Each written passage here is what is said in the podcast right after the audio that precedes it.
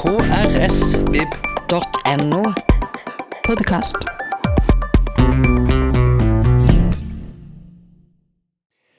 Hei og velkommen til nytt innslag i serien Boka mi, hvor vi da inviterer i første rekke våre gode kollegaer her på Kristiansand folkebibliotek til å snakke litt om eh, en bok som har betydd noe spesielt for dem. Denne gangen så har jeg rett og slett invitert selveste biblioteksjefen, Anne Kristin Undlien, inn i studio. Velkommen til deg. Takk. Eh, vi har jo hatt noen runder med boka mi nå, eh, og har fått litt forskjellig. Ei som tok med tolken, ei som tok med en barnebok som jeg tror veldig få hadde hørt om. Eh, Ei som kom draende med Sigrid Undset. Men hva er det du har tatt med til oss i, dag? Jeg har tatt med en bok som eh, egentlig er litt glemt i Norge, eller er sikkert ganske så glemt. Og det er en bok som er skrevet av eh, Harald Kidde, som er en dansk forfatter. Kom ut i 1912 og heter Helten. Helten. Ja. Ja, du har rett i det. jeg glemte, for altså, da du sa hvilken bok du skulle øh, presentere, så sto vel det som et spørsmålstegn. Ja, har jeg aldri ja. hørt om. Nei. Og grunnen til at jeg har hørt om den, det var at jeg var med i en lesesirkel hvor vi leste hele den boka høyt. Eh, og det er mange år siden, for nå er jeg 55, og da var jeg vel eh, tja mm, et par og tyve, tenker jeg. Eh, og så har den egentlig levd litt sånn i bakgrunnen, men veldig mye av handlingen til helten foregår på en øy som er helt fysisk, som fins i danskekysten. Den heter Anholt. Eh, og den øya var jeg på besøk i i sommer, og da fikk jeg veldig lyst til å lese boka en gang til. Ok, hvordan, Men åssen var det? Du, hadde du lest den i hele tatt siden, eller var det første Nei, jeg hadde ikke lest den siden da, så da leste jeg den om igjen etterpå. Men, eh, men eh, Harald Kidde, som jo er en sånn forfatter som, som eh, er Veldig mange som skriver om litteratur, er opptatt av han og syns at det er en god bok, men han ble aldri noe bestselger.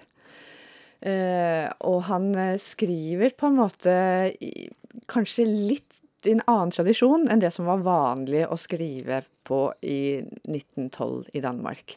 Han er veldig realistisk eh, og mye sosialrealisme, så du kan liksom kjenne igjen litt sånn Nexø-tendenser, men han er veldig opptatt av menneskets indre liv, og egentlig veldig opptatt av eh, religiøs lengsel og, og mystikk og sjel. Mm, åndelighet? Veldig opptatt av, av det, og skriver mye om det.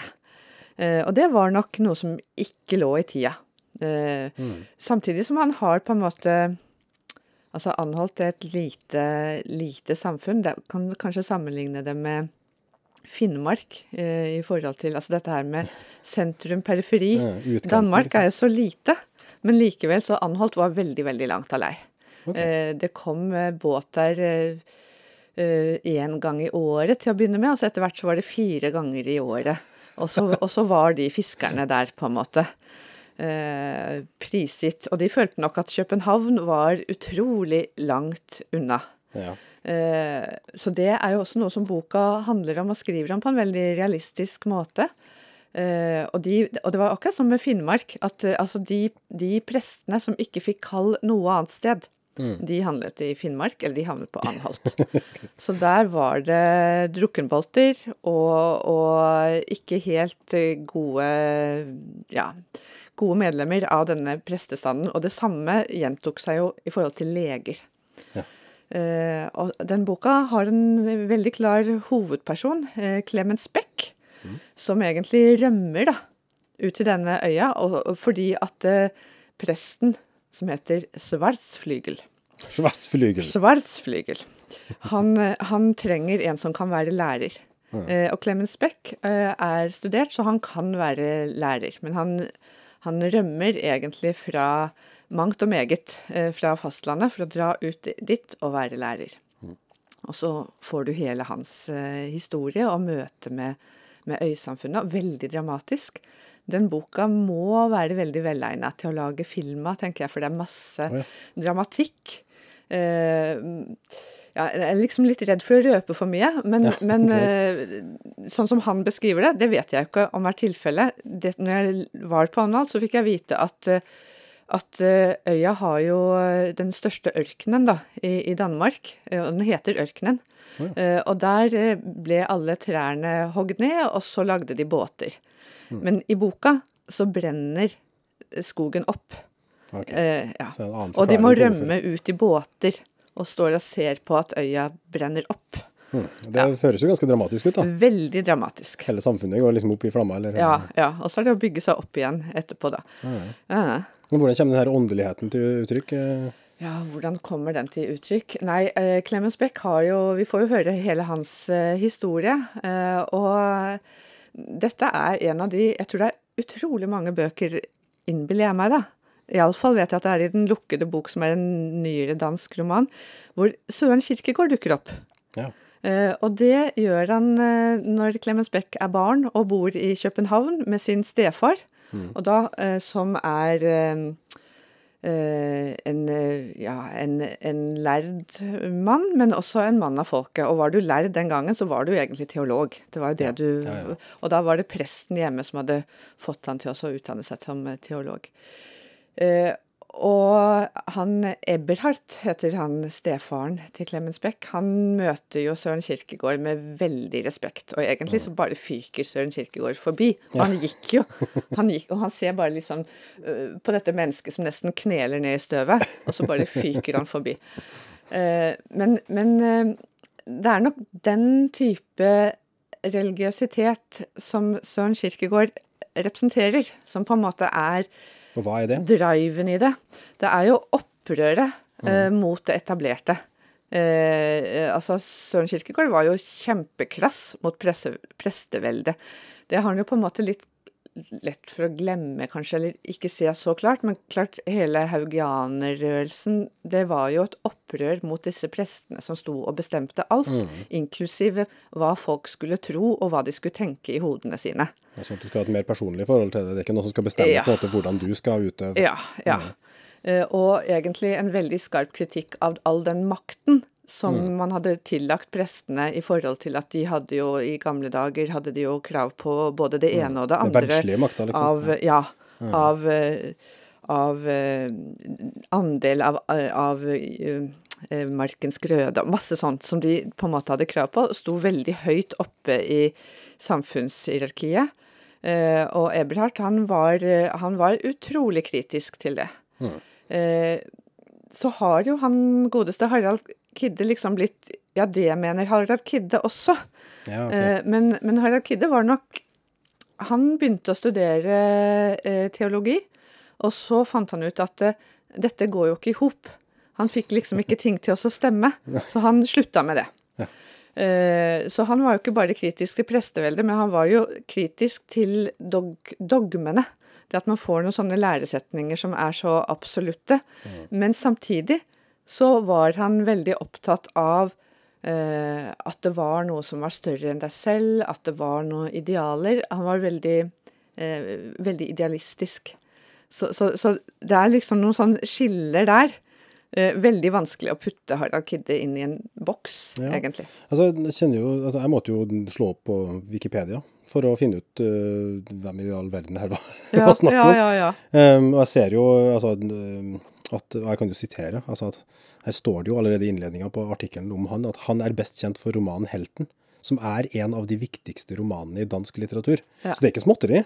Nei, Det er sånn det... stort ettermæle sånn sett, da. Uh, veldig store ord i Wikipedia der. Han ble jo også veldig kritisert, så han var jo en sånn fyr som mente mye veldig sterkt, på en måte, og brukte utrolig lang tid. Da. Han var jo gift med en barnebokforfatter som bare røysa ut 60 bøker eller et eller annet sånt nå, mens han skrev noen få og brukte veldig, veldig lang tid på det. Men han døde jo ganske tidlig også. Ja, ja, ja. spanskesyke. ja Spanskesyken og ja, Ja, ja.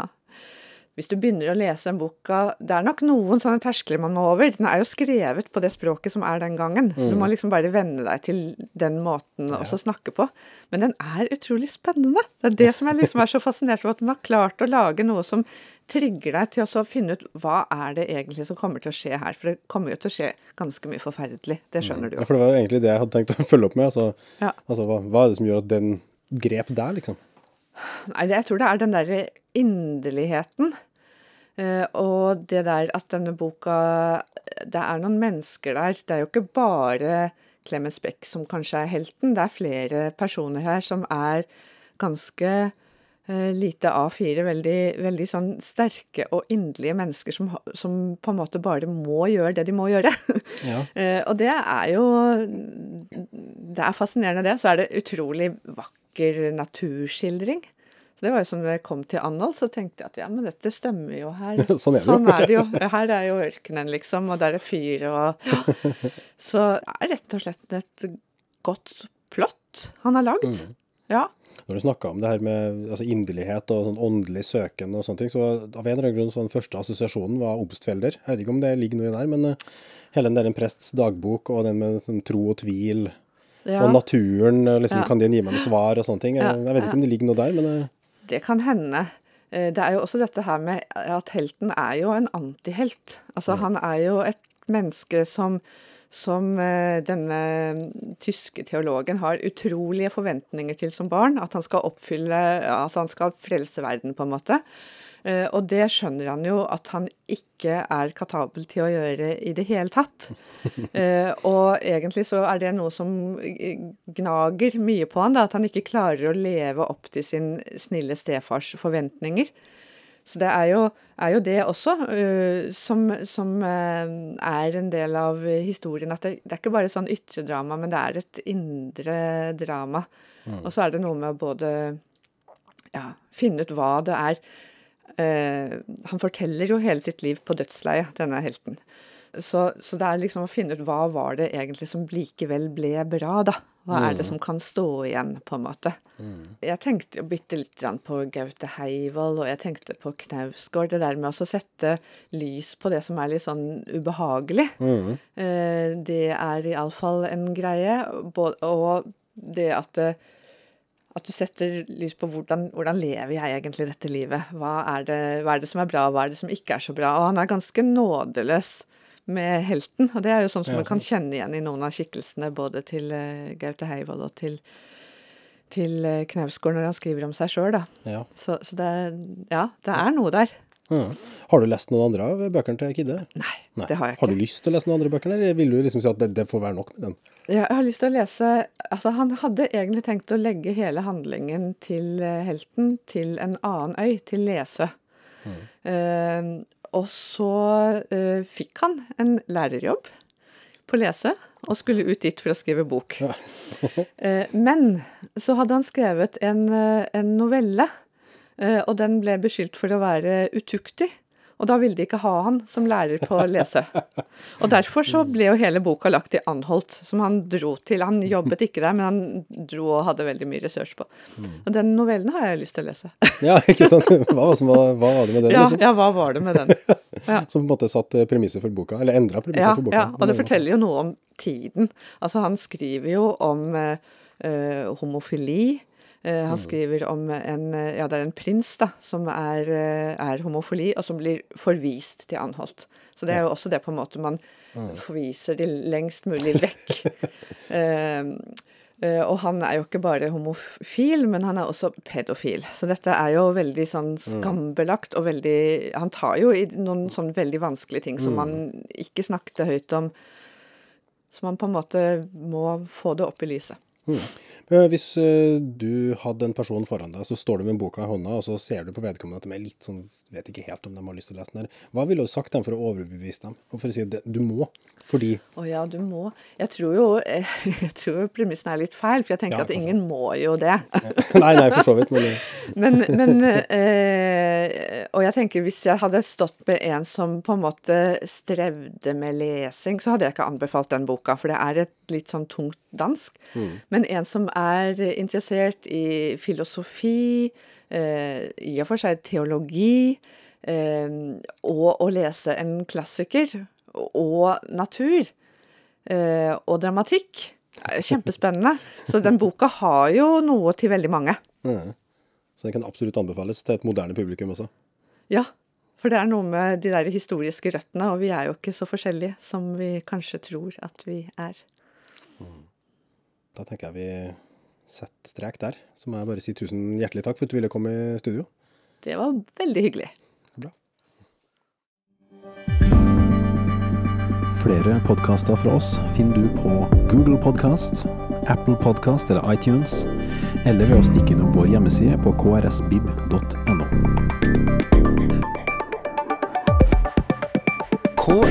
krsbib.no. podcast